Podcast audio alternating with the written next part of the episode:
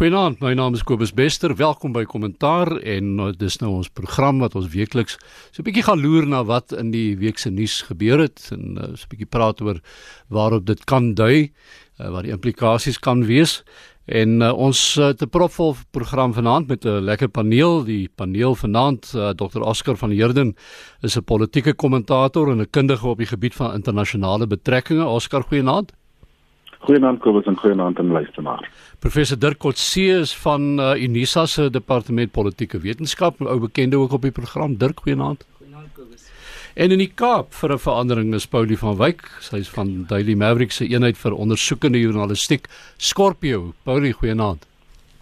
Goeienaand Kobus en al die lesers, luisteraars. lesers ook ja. Ja. Ja. Nou ja. Mense, ehm um, die nuusopskrifte het vandag onder andere gesê dat die land is geruk of die land is geskok. En dit gaan nou oor die uh bevindinge van 'n paneel wat 'n ondersoek ingestel het na die agentskap vir nasionale veiligheid en uh die beweringe wat daar deur hulle gemaak word, die bevindinge wat hulle gemaak het dat uh president Zuma, toe hy nog president was, en sommige van sy ministers, die name is nie eintlik pertinent genoem nie, maar uh, ou kan gaan uitwerk wie was in beheer daai tyd uh dat die mense die nasionale uh, veiligheidsagentskap misbruik het uh, eintlik half 'n uh, deel van hom gekaap het as 'n mens dit so kan stel en uh, gebruik het as 'n uh, om om te beklei as om interne faksiegevegte binne die ANC te voer. Uh, Dirk Ja, dis dis iets wat president Ramaphosa reeds in sy toespraak die die staatsrede na verwys het en hy het sommige daar aankondigings gemaak oor sommige van die aanbevelings wat hy klaar aanvaar het. Ehm um, ek dink wat nou na meer nou uitkom want die die volle verslag is nou bekend gemaak tot dusver het ons net staat gemaak op uh, sekere grepe daaruit. Ehm um, is dat ehm um, die daar 'n groot onderskeid gemaak word tussen die periode voor 2009 Eh, die Mbeki en en en Mandela era um, en die wyse waarop president Zuma die uh die agentskap gebruik het. Hy het die naam verander ook van waar daar eintlik twee agentskappe was, die nasionale intelligensie agentskap en die uh buitelandse gedeelte, die staatsveiligheidsagentskap. Um en dit is toe geïntegreer in een. Nou as 'n mens terugkyk na daardie periode was iemand soos Mo Sheikh was 'n baie sentrale figuur gewees in die in die buitelandse gedeelte.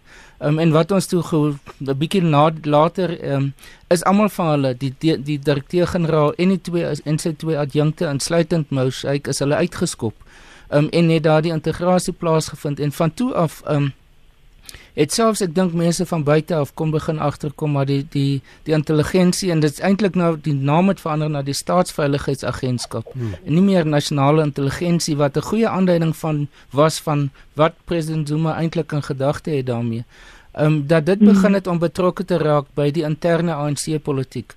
Ehm um, en dat die kapasiteit van dit gebruik is om ehm um, om na die verskillende om die die verskillende faksies te mekaar af te speel en om eintlik inligting oor mekaar in die hande te kry. So die die oorhoofse verantwoordelikheid van van hierdie instellings, intelligensie instellings um, om inligting te kry om buitelandse beleid te kan ondersteun, om die werk van die president en die president se kantoor te kan ondersteun, om as daar byvoorbeeld staatsbesoeke plaasvind om agtergrondstudies te kan maak as as ter ondersteuning van die regeringspersone baie min daarvan het uiteindelik plaasgevind of as dit plaasgevind het was die geloofwaardigheid daarvan onder verdenking want dit is gesien as dis eintlik 'n byproduk van die faksies wat dit teen hmm. teenoor mekaar afgespeel het of teenoor mekaar uitgespeel het um, en dat dit meer bedoel was vir die interne politiek vir die ANC um, as wat dit bedoel was vir die nasionale belang of vir nasionale intelligensie en hierdie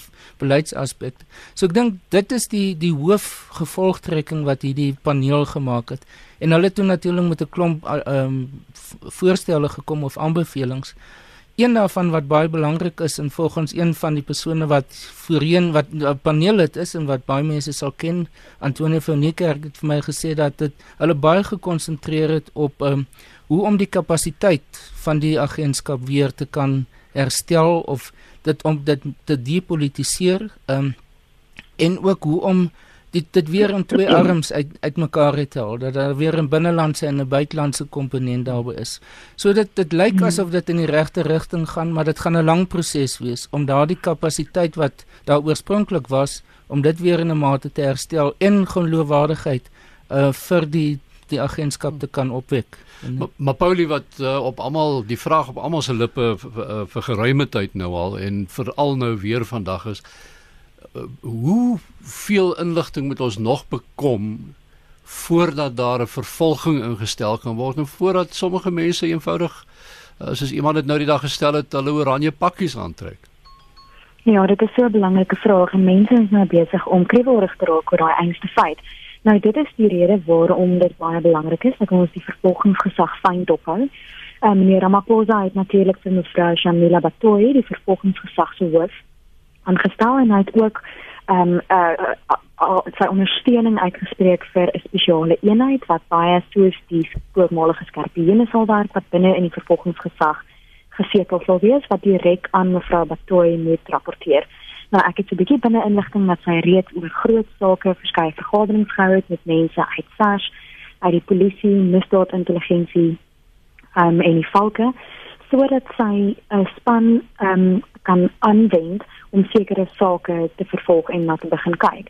Hierdie is egter baie moeiliker ongelukkig gesê as gedaan omdat die uh die die beperkings binne die vervolgingsgesag en natuurlik die valke en SARS baie ernstig is met meneer um, meneer Zuma se se hele 9 jaar byna 'n kaderlange termyn het gesorg het ons baie baie goeie mense verloor het in die staatsdiens. En wat hierdie verslag dan nou ook sê is dat eintlik wat ons lankal reeds vermoed en waarop joernaliste vir baie jare afskimp is dat die die staatsagentskap, staatsveiligheidsagentskap het eintlik ontstaan en en verander om te kan laer trek rondom meneer Zuma. En ons twee baie belangrike bevindinge afgesien van dit wat ons nou net na geluister het, dit alles baie belangrike bevindinge was en dit die een daarvan is dat die maatreëls rondom die RICA wet moet verskerp word. En dit gaan nou natuurlik oor dit wys baie duidelik dat ehm um, daar bevindinge was waar ehm um, gewone mense uit die burger uit die burgerry joernaliste en en dan natuurlik ehm um, soos right to know en sulke amptelike groepe is afgeluister. Dit is wat dit is wat ons hier uit moet lees en dit is 'n baie baie ernstige oortreding. En dan iets wat eintlik baie breër strek vir my as bloot net die verslag oor die uh, staatsveiligheidsagentskap is dat die bevinding was dat kaders wat in beheer was van teen apartheid eenhede sukkel of uh, ja wel in die in die vorige bedeling in in die apartheid tyd sukkel nou om hulle ANC loyaliteit aan een kant sit. Um, partytetiek het verweef geraak met die bestuur van die land en soos wat Dirk nou gesê het is dat daar daar is ehm um, partygevegte en faksiegevegte uh, aan die gang gesit met die hulp van staatshulpbronne en die hulp van ehm um, staatsveiligheid. Wat natuurlik dan beteken dat jy nie die landse grense dophou soos wat jy moet nie. Jy nie terroriste groepe dophou soos wat jy moet nie ehm um, dat daar baie meer aangaan as uh jy weet teen die anti-Zuma faksies beklei as wat daar mis gewees het. En dan het ek nou gesien meneer Zuma het 'n dreigende tweet uitgestuur ehm um, laat vanmiddag. Ek hoor en hy sê dat die hierdie komitee het hom geen vrae gevra nie. En hy uh tipies meneer Zuma probeer hy nou amper 'n skans oprig en twyfel wat ontstaan oor hierdie eenheid en sê dat daar apartheid spioene in die komitee was wat wat die ondersoek gedoen het. En sy woorde was hy hoop nie mense maak 'n blik wurms oop waaroor hulle later sal spyt wees nie. Maar dit is tipies meneer Zuma en sy dreigende uh, dreigemente waar hy nog steeds daai beheer uh, probeer behou want dit is al maniere hoe hy ken om enigiets te beheer is deur dreigemente en deur invloed en deur mag en die misbruik van mag. Oscar, um, ek het net nou aan die begin gesê dat uh, van die hoofopskrifte het gepraat van skok en en en ander sensasionele woorde wat ons gebruik het. Uh maar die vraag wat toe by my opgekom het is moet ons regtig nog so geskok wees oor hierdie goed wat nou so uitkom? Dis die een vraag. Uh en tweedens uh dink jy dat teen hierdie tyd uh het het hierdie uh het mense al nou al so gewoond geraak aan hierdie openbaringe dat dit ook nie eintlik meer hulle uh, gaan beïnvloed wanneer dit gaan na die stembus toe? Ja, dankie Kobus. Um, ek dink die eerste punt is ek dink dit is uh ek ek stem saam ons ons kan nie meer praat van skok nie. Um, ons weet almal dat dis presies omdat hierdie mense uh, verkeerd gedoen het in die ANC en die regering en so aan dis hoekom dit so belangrik was uh, in terme van die ANC konferensie in 2017 dat uh, Cyril Ramaphosa natuurlik moet wen en dat almal mense in die ANC en buite die ANC uh, gesê het dat ons soek uh, veldtog waar ons 'n bietjie kan skoonmaak waar ons hierdie mense krimineel moet uh, ondersoek en dat sekere mense prompt moet gaan en soos jy sê daai oranje pakkies moet aantrek. So ek dink jy ons is geskok en my groot bekommernis Kobus is die tydspanne van hierdie ondersoeke. Jy weet as jy as jy nou die letter van die van die reg wil volg, ehm um, in terme van ondersoeke en jy weet die valke moet hulle hulle hulle hulle werk doen en so voort. Dit vat almal tyd en ongelukkig het die president nie tyd op sy kant nie. Ehm um, ons sien al al sien al reeds dat daar is uh, terug uh, druk van hierdie uh, mense. Hulle hulle praat van ons het nog gesien hoe hulle vir met pride hanteer. Dis iemand wat probeer het om korrupsie en en en verkeerd doen uh, die jy weet brood te stel in terme van die polisie. Ehm um, en ons sien wat hulle gedoen het met hom. Ons sien nou week later dat daar 'n verslag in die in die koerante die Sondagkoerante dat uh, generaal Jeremy Wery het ook nou 'n uh, klomp mense ontvoer en jy weet hulle hulle getorture en dis meer um, en is net 'n uh, uh, mens kan net dink dat daar 'n veld tog wat sê hulle beklei terug. Ehm um, en dit vir my is 'n 'n kommernis dat daar is nie genoeg tyd vir president Ramaphosa om te wag vir die die prosedure om hierdie mense krimineel te, te skuldig te vind.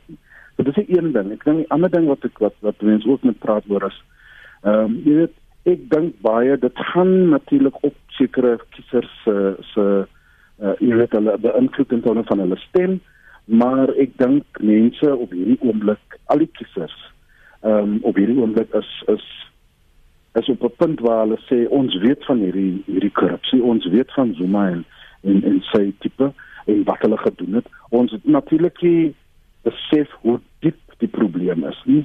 En ons en en dis die rede hoekom ons hierdie kommissie het en die sondekommissie en so aan ehm um, sodat ons al daai veel goed kan uitkry.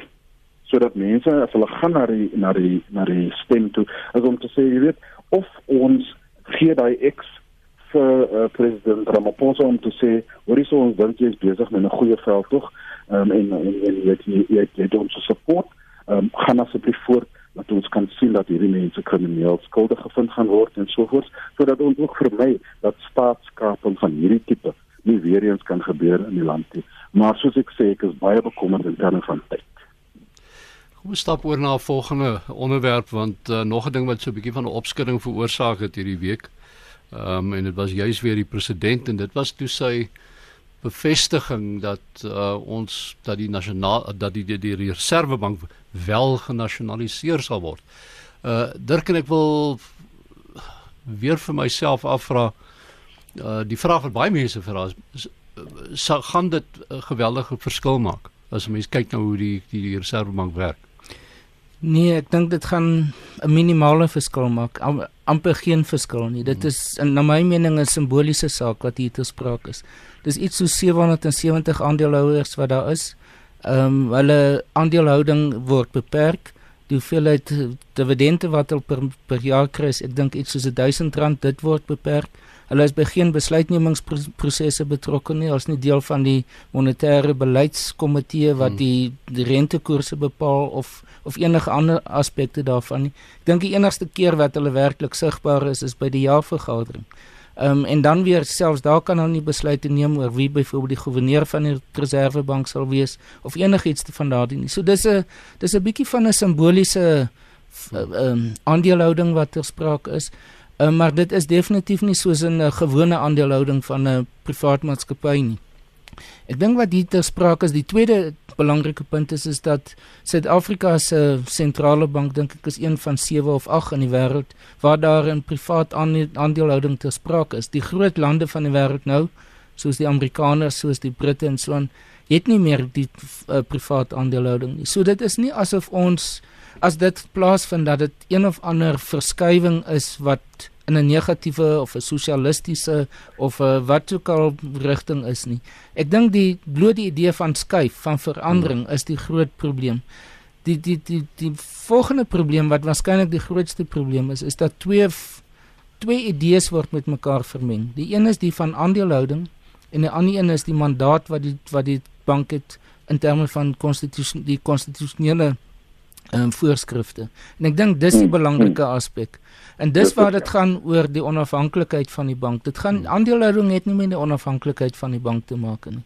En dit gaan oor die vraag tot watter mate daardie mandaat deur in deur die regering bepaal kan word en of dit moet bly by dit wat die grondwet op die oomblik sê. Op die oomblik sê die grondwet in in breë trekke dat die die die mandaat van die bank is is om die rand as geldeenheid te beskerm. Om dit te kan doen, moet dit 'n verskeidenheid van faktore in berekening neem sodat dit uiteindelik die ontwikkeling van die ekonomie ook kan bevorder. Terwyl baie mense dit interpreteer en dit is wat die ANC eintlik herhaal het by hulle Desember 2017 konferensie. Baie mense sien dit asof dit nou 'n verskywing is van die doelpale. So ek hmm. dink dis dis dis ongelukkig dat eerstens die woord nasionalisering gebruik word want dit is nie hmm. werklik wat besig is om plan of wat wat in die pipeline is. En die tweede is, is dit hierdie vermenging van die twee belangrike verskillende aspekte van die bank wat in een pot gegooi word en dan word hierdie aandelehouding nou eintlik gesien as dat die onafhanklikheid van die bank uh, bedreig word, uh, negatief bedreig word daardeur. Maar ja, van ek wil ek wil tog net saamstem Kobus hmm. met met Dirk se se se se se punt. Maar ek wil ook sê, jy weet ons moet ook dink gegee word die feit dat daar so 'n verkiesing wat kom, is Ramaphosa wil ook vir die vir die ANC lede sê dat ek as 'n man wat die resolusies van konferensie ernstig opvat um, en ek is iemand wat jy kan vertrou. Ehm um, ek ek stem saam met Dirk die, die woord nasionalisering is natuurlik nie die beste nie, maar ek dink dis 'n bietjie Ellemakeberg van 'n van 'n van 'n môre uh, soos soos soos Dirk sê.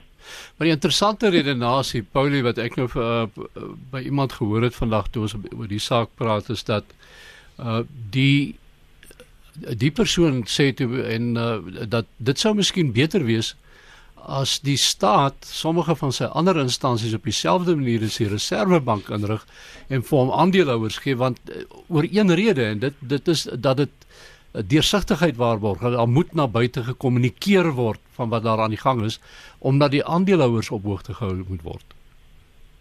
Ja, en dit sal dan natuurlik die weg plafyn na privatisering wat ehm um, baie van die sosialistiese ministers die glad nie ehm um, meer saamstem nie. Dit is meer Gordhan as glad nie 'n voorstander van van ehm um, privatisering eintlik is die woord wat ek sê. Was glad nie ehm um, 'n voorstander van privatisering nie. Maar ehm um, en en ek stem saam met Dirk en Oscar hulle maak belangrike punte, maar dan moet ons ook onthou dat meneer Ramaphosa se boodskap by Davos was dat die onafhanklikheid van die Reservebank is heilig. En as hy nou woorde gebruik soos nasionalisering en ehm um, wat die ANC se posisie is en dat hulle dit nog steeds wil nasionaliseer en dat dit 'n belangrike stap is vir die ANC.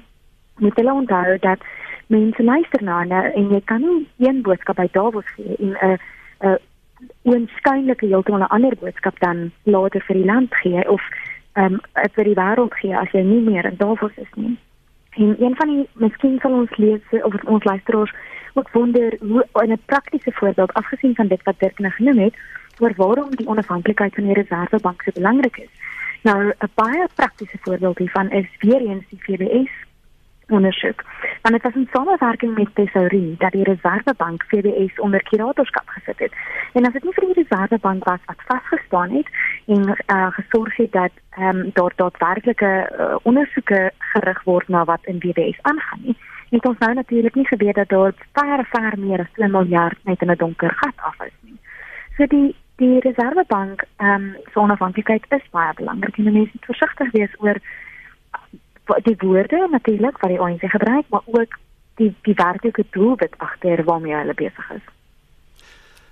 Die uh, die die hele kwessie rondom daai kommunikasie Dirk is eintlik vir my ook een van die punte waarby jy ook moet uitkom uh, dat daar word gereeld gekla dat meneer Ramaphosa kommunikeer een op een manier na een faksie toe, ander manier na ander belangegroep en op die ou einde veroorsaak dit 'n klomp uh redelike senuweeagtige beleggers en ander mense. Is dit 'n billik billike uh, Ek, ek dink so. Ek en ek ek dink dis iets wat nie as as ons terugdink, is dit nie eintlik beperk tot hom nie. As 'n mens dink aan die Mbeki periode, het hy dit ook gedoen. Hmm. Baie mense het dikwels gesê dit hang af wie die gehoor is. Nee, en dan moduleer hy sy sy boodskap in in lyn met wie hy voor hom sien of wie hy dink wat wat dit gaan lees of of wie dit gaan hoor. Ehm um, die probleem ongelukkig is is deesdae jy kan nie jou boodskap beperk tot 'n spesifieke gehoor nie. Die hmm. kommunikasiestelsels is so oop en so toeganklik vir enige iemand omtrent. Ehm um, dat dit is baie moeilik om dit te te kan bestuur. Hierdie is 'n baie goeie voorbeeld daarvan waar self binne die ANC en selfs op 'n stadium president Ramaphosa self wat hy hierdie woorde vermeng het met mekaar. Ysmakashule het presies dieselfde gedoen. Ek dink meer met 'n spesifieke doel um, om die die nasionaliseringsidee wat klink asof 'n radikale ekonomiese transformasie is om dit 'n bietjie aan mekaar te kan. Ehm um, maar uiteindelik dink ek is dit is dit nadelig. Ek meen 'n ander goeie voorbeeld was nou um, met die vraatyd van president Ramaphosa die afgelope week in parlement waar hy gesê het dat as dit nou kom by grond, grondonteiening sonder vergoeding dat ja, hulle is besig om dit te implementeer is in die parlement nou, maar buitelandse beleggers gaan uitgesluit wees daarvan. Nee. Hmm. Dan skep dit soveel nuwe vrae oor hoe wat is dan werklik die die die motivering daarvoor? Nee. Dat dit dit is uiteindelik gaan dit so belangrik wees om vir die die hoofspreekbuise van die ANC, die hoofmense wat gesien word as die woordvoerders van die ANC, dat hulle baie duidelike boodskap uitbring. Al is dit soms nie noodwendig populêr vir sekere groeperings binne die ANC nie. Maar op die oomblik gegee natuurlik die verkiesing en die feit dat die ANC se die sogenaamde kerk so 'n breë basis het van met wie hulle moet praat, is dit baie duidelik in baie gevalle dat dit teenstrydige boodskappe is wat uitgaan na buitentoe. Nou dis dalk uh, noodsaaklik uh, Oscar dat uh, die ANC en die regering dan nou uh, kyk na sy interne uh, kommunikasiestelsels en hoe hulle hierdie goed gaan koördineer. Ja, kyk ek dink oor of ek dink almal sal saamstem. Die die nommer 1 prioriteit van enige regering uh, wat 'n uh, uh, eerste term gehad het, is om natuurlik 'n tweede term te kry. so so die fokus is op die eleksie, ehm um, die verkiesing, ehm um, en Ramaphosa en al die die woordvoerders en so van van die ANC sal sekere dinge sê in 'n mate om seker te maak dat hulle natuurlik praat met daai ondersteuners en daai uh, kiesers wat vir hulle gaan stem.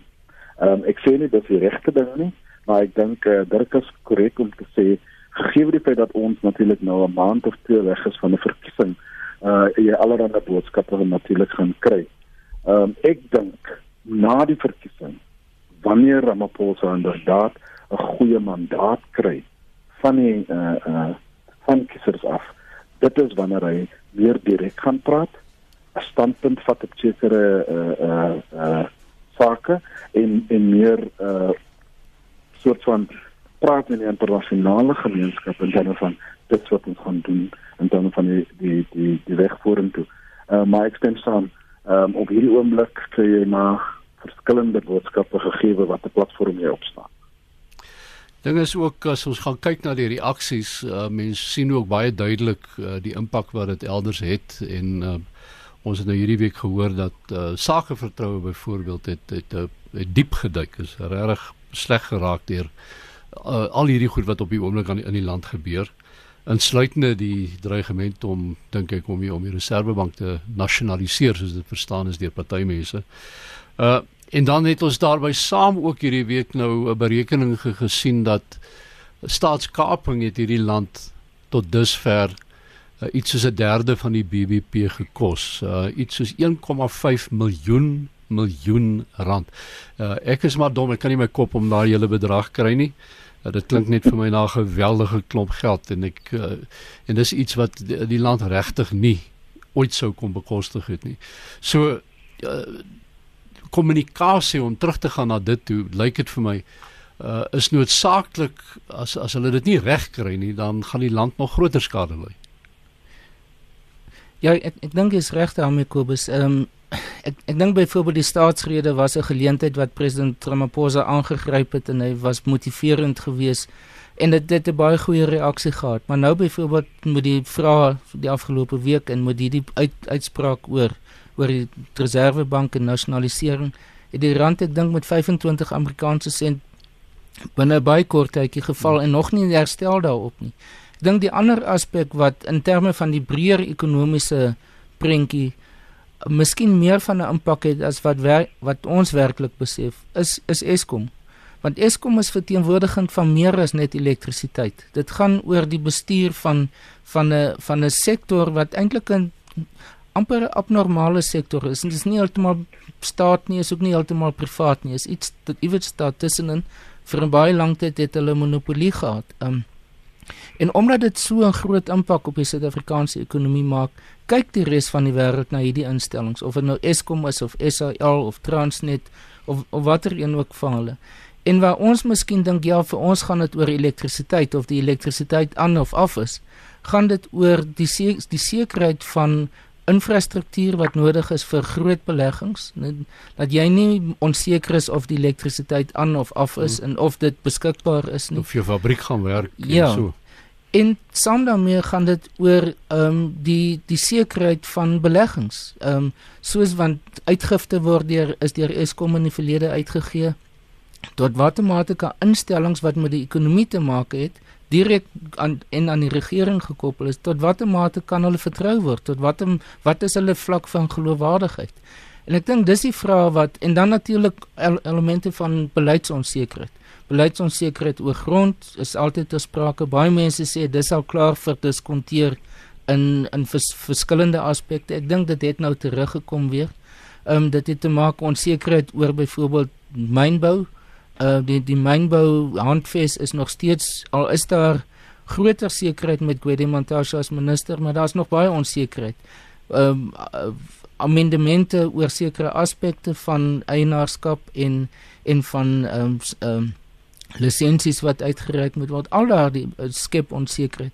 Ek meen die ou sê ding wat baie mense na verwys sê Suid-Afrikaanse maatskappye alleen sit op 'n groot hoeveelheid kapitaal maar is nie bereid om die volgende stap te neem deur te sê ons herbelê dit nou binne in Suid-Afrika nie. So ek dink dit gaan dis nie net oor eksterne buitelandse beleggings nie, dit gaan ook oor hmm. binnelandse vertroue en totdat die ANC nie 'n duidelikheid 'n uitspraak gelewer oor in watter rigting hulle gaan nie en baie sê wel dit gaan na die verkiesing plaasvind.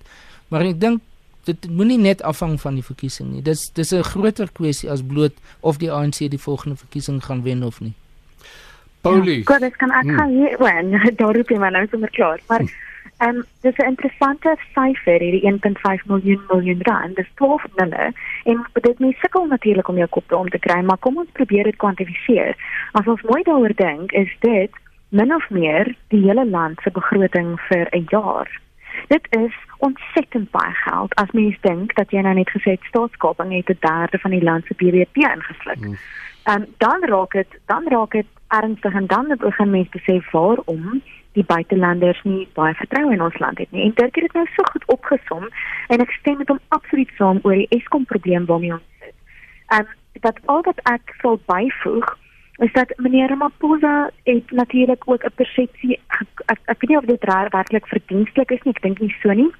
Ek dink is um omdat ons in 'n leeftyd is waar ons onmiddellike verandering wil sien en um wat hulle noem in Engels 'n immediate gratification as jy dit sou wil stel maar um, daar word sy kritisie sal sê dat hy stadig is en dat hy nie uh, vinnig genoeg reageer nie.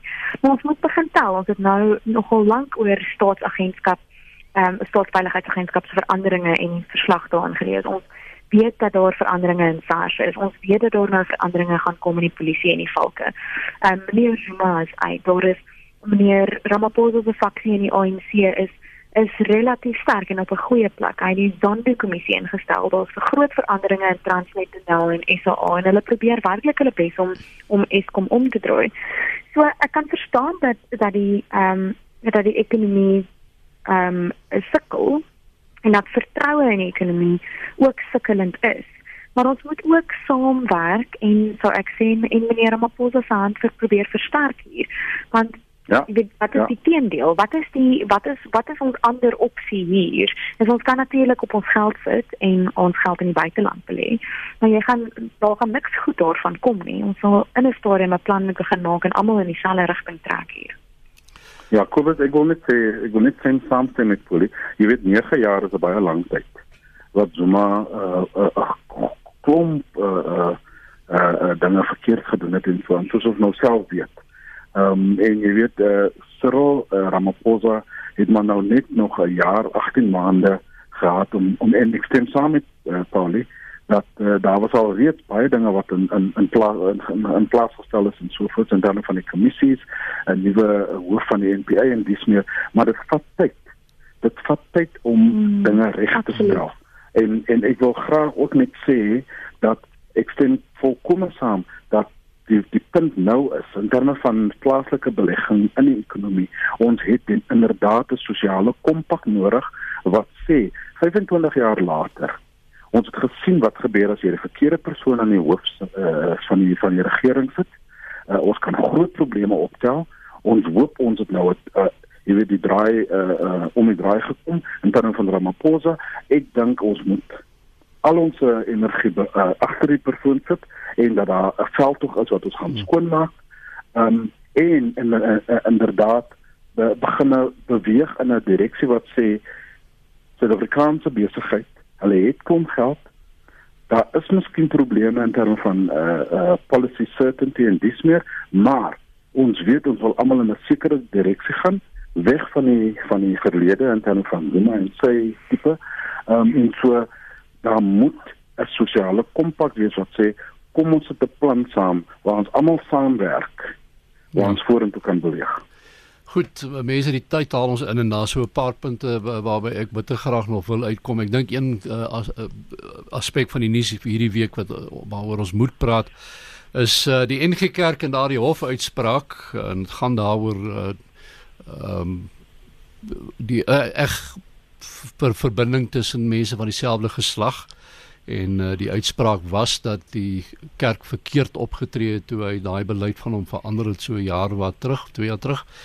Ehm uh, die vraag wat ek vra is en ek dink dis in die koerante ook gevra vandag.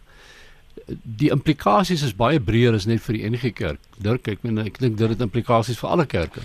Wel ek ek dink so. Ja, ek ek ek dink dit het implikasies vir kerke, dit het ook implikasies. Dit gaan weier as dit. Dit hmm. gaan ook oor alles wat met troues te maak het. Dit hmm. gaan selfs oor na wat by 'n kerk gebeur het, funksies wat gehou hmm. moet word en en sulke tipe van ding. Uh, ek ek dink wat dit sprake is en dis 'n interessante vraag, 'n ba baie moeilike vraag is hoe an, hoe hanteer jy die skeiding tussen kerk en staat? Nou, en waar is die oorvleeling? En ek dink huwelike of huweliksbevestiging bevestigings be, troues is die plek waar daai oorvleeling omtrent op die enigste plek waar dit werklik kan plaasvind. Hmm. Ehm um, en dan is die vraag wat die een is die belangrikste? Wat die een het die oppergesag, die kon, die grondwet of die kerklike beskouing, nee, die kerklike oortuiging of die geloof van mense. Um, en dis nie 'n maklike vraag nie, nee, want dit is gaan uiteindelik oor watter een van die twee moet die mense primêre loyaliteit aan. Ehm um, en hierdie hierdie uitspraak nou kom uit vanuit 'n sekulêre konstitusionele oogpunt. Um, en die kerk is op hierdie stadium vir veronderstel om vir hulle self te verbind tot hierdie uitspraak. Maar ek dink binne die verskillende kerke gaan daar vers, baie verskillende menings wees daaroor. Um, ek ek dink wat wat ook ter sprake gaan wees is uh, tot watter mate die die huwelik losgemaak kan word van 'n kerk, né? Dat byvoorbeeld mense sal sê wel as 'n kerk nie daarmee saamstem nie, moet hulle sê mense moet dan 'n siviele huwelik aangaan. Maar wel aan die ander kant is die meeste godsdienste het 'n ritueel as ek dit so kan noem wat gebou is rondom hmm. huweliksbevestiging of die of hmm. troues. So dit is besonder moeilik om dit van mekaar los te maak. Oskar? Ja, kom as ek wou ek oh, ongelukkig in terme van die aand se gesprek. Nou hierdie punt moet ek nou nie saamstem met ter, met Dirk nie. En die rede is, kyk, wanneer dit kom by alle ander aspekte in terme van ons uh uh situasie in Suid-Afrika, of dit nou politiek is of dit nou wat ook al geglo ons in die grondwet en ons sê die grondwet is natuurlik die uh uh grondwet wat wat sê hoe ons dinge sien hoe ons dan ehm um, ehm um, uh, hoe ons dinge benader en so aan. So op hierdie aspek ongelukkig moet ek sê dat die grondwet is baie spesifiek in terme van hierdie situasie en dat in alhoewel daar is die uh jy weet dit is tussen staat en en die kerk daar is daai daai uh uh situasie tog moet ek sê die kerk moet in die vra in die in die in die uh, raamwerk van die grondwet uh uh, uh toepas. Um, en so ek dink op hierdie storie het dit implikasies waar presies trek ons die lyn, maar ek dink ons moet almal tog ooreenkom ooreenkom dat die finale lyn is die grondwet. Ek ek dink dit is 'n gesprek wat nog uh, baie intens gevoer gaan word oor die volgende maande seker of jare. Maar uh, laaste punt uh, vanaand moet ons by uitkom. Uh, Paulie, dis iets wat jou weet ek na in die hart lê, dis iets wat jy al ervaar het. En dit is die EFF en sy manier van omgang met omgaan met joernaliste. Uh, jy het onder hulle deurgeloop al en hierdie week was dit Kariban Brown se beurt. Ja, sjoe. Die EFF is altyd 'n tamaletjie en mense is altyd ehm um, uh, amper in oorlog of absoluut vir oorlog. Ehm um, allang natuurlik af en watter kant jy van die EFF lyn staan. Nou ek dink daar is drie baie belangrike punte om te maak. Ehm um, in die debat oor die EFF, maar kom ons kyk net gou wat gebeur het. Uh Karima Brown is 'n joernalis wat by Radio 702, 'n streeksradiostasie werk in Gauteng en dan is sy ook 'n um, 'n senior joernalis en 'n 'n producer of 'n produksiebestuurder by ENCA die TV-kanaal. Nou wat sy toe gedoen het is sy was op 'n EFF WhatsApp groep en sy het 'n boodskap gestuur wat eintlik bedoel was vir 'n kollega vir wie sy 'n opdrag gegee het en gesê het, maar kyk ook in in reaksie op 'n uitnodiging na 'n EFF geleentheid waar die EFF na die elders sou gaan uh, meer sou gaan praat. Wou sy weet, sy stuur toe 'n boodskap en sê, "Wie is hierdie elders? Wat doen hulle? Waar kom hulle vandaan? Wie is hierdie mense?" En die boodskap stuur sy toe na die verkeerde groep en nie na haar kollega nie, maar sy stuur dit toe op die EFF groep en daar word 'n onmiddellike screen grab van gemaak en sy vee dit toe uit ook. Ehm um, en en sy stuur dit toe na die regte ontvanger toe. Maar onmiddellik het meneer Julius Malema hierop gespring, haar uitgemaak as as 'n spioen. Ehm um, en hy het haar onmiddellik ehm um, haar selfoonnommer op die op op WhatsApp geplaas uh, gepubliseer mm. en ehm um, saam met hierdie boodskap van haar. En dit het ehm um, toe kom die dreigemente. Ernstige dreigemente. Mm. Ja, ernstige dreigemente tot gevolg gehad waar sy gedreig is met verkrachting, uh, om doodgemaak te word en as 'n spioen uitgekry is. Ehm um, en ons weet nou natuurlik dat die EFF se se ondersteuners baie giftig kan wees en en baie gewelddadig kan wees. Nou Um, mense sal maklik sê kritisie van die media en van die EFF oor die algemeen. Sê maklik ja, maar ehm um, dit julle het Julius en ehm um, die EFF gemaak julle het gesorg dat eh uh, dat hy hierdie mag het oor almal. Nou kyk, ehm um, ons kan nie vir Julius vir meneer Julius Malema of die EFF afsny nie. Onthou dit is 'n tweesnydende swaard. Hmm. Ons kan nie ophou om oor hom te skryf of om te skryf wa waarmee die EFF hulle ophou nie. Dit is ons grondwetlike plig om mense in te lig hmm. oor die wêreld waarin hulle leef en meneer Julius Malema het 'n baie groot invloed op. Ehm um, en as ek besluit om meneer Malema af te sny, dan besluit iemand anders hulle sny die DA of die ACDB of DP of die feit van plus af. Dit is ondemokraties en dit gaan nie die probleem oplos nie. Die tweede punt is ehm um, waar die media nou meneer Julius Malema gemaak het Ja, dit is miskien in in 'n mate so. Ehm um, dit is baie maklik ook natuurlik om jare na die feit met jou rusbank vanuit die rusbank en met jou voete op die koffietafel te hmm. kritiseer. Maar joernaliste is in die loopgrawe. Ons werk elke dag onder ontsettende moeilike omstandighede. Die skote klap baie letterlik dikwels om ons kop. Ehm um, dit is heeltemal 'n ander saak wanneer jy binne sekondes 'n besluit moet maak oor of jy hierdie boodskap gaan uitstuur of nie. En nou ja, ek dink dat dalk moet er, jy gaan moet gou klaar maak gee nog 10 sekondes. Ehm um, meneer Julius Malema het gedreig met plaasmoorde en baie mense sal nou sê die plaasmoorde is 'n uh, is iets wat niemand by die media nooit ehm um, nou in die hart gelê het nie. En dit is nonsens. Joernaliste het daai storie vertel. So ons probeer ook aan die ander kant om te verduidelik dat uh die lewe waarin ons werk en die lewe saam met 'n meneer Malema. Baie dankie aan Paulie van Wyk aan die Kaap en uh, ons ander sprekers vanaand was professor Dirk Kotse van die Nisa en Oscar van Heerden wat ook hier in Johannesburg was. En uh, ons groet. My naam is Kobus Bester en kommentaar is weer terug volgende week 8uur.